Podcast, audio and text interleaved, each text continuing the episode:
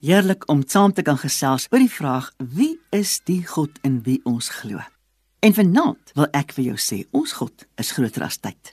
Ons lewens draai om horlosies en kalenders. Ons het sperdatums en ons werk volgens spesifieke beplanning en as iemand anders laat opdaag vir 'n afspraak, kan dit nogal ons dag omvergooi, nie waar nie? En nou glo ons in 'n ewige God. Hy het geen begin en geen einde nie.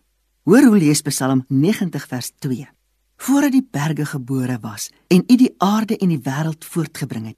Ja, van ewigheid tot ewigheid is u God. Ek wil my verstout om te sê, omdat ons mense se lewens so begrens word deur seisoene en maande en weke en jare, dit nie vir ons moontlik is om in hierdie lewe regtig te begryp wat die ewigheid behels nie. Die woord sê dat ons God van ewigheid tot ewigheid is en dat hy altyd dieselfde is. En daarom is dit wat ons glo. Maar weet daar's 'n vers opgeteken in Job 39 vers 4 en 5 wat 'n baie belangrike faset van die betekenis van God se ewigheid by ons moet tuisbring. Hy vra vir Job: "Ken jy die tyd wanneer die klipspringers lam? Staan jy en kyk waar die wildsbokke kleintjies kry? Kan jy vir hulle die draagtyd bepaal?" Die Hebreëus vir die begrip ewig is Olam. Vandaar die naam van God El Olam wat beteken ewige God van krag.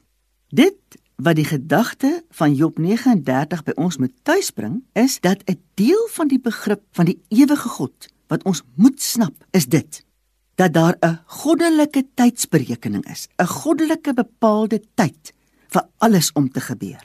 Die God van ewigheid bepaal die tyd van gebeure. Nou hoekom is dit belangrik om dit te verstaan? Wie wat ons bid soms vir iets en dan gebeur niks en ons dink ek bid teen 'n muur vas. God hoor my nie. Intussen is dit net nog nie God se olam tyd vir dit waarvoor ons bid om aan te breek nie. Ons moet aanpas. Ons moet leer om te wag op die olam tyd van ons Vader. En terwyl ons wag, moet ons hom vertrou. Hemelse Vader, ek bid, leer ons wat dit is om waaragtig te wag op u olam tyd. Ons eer u. Amen.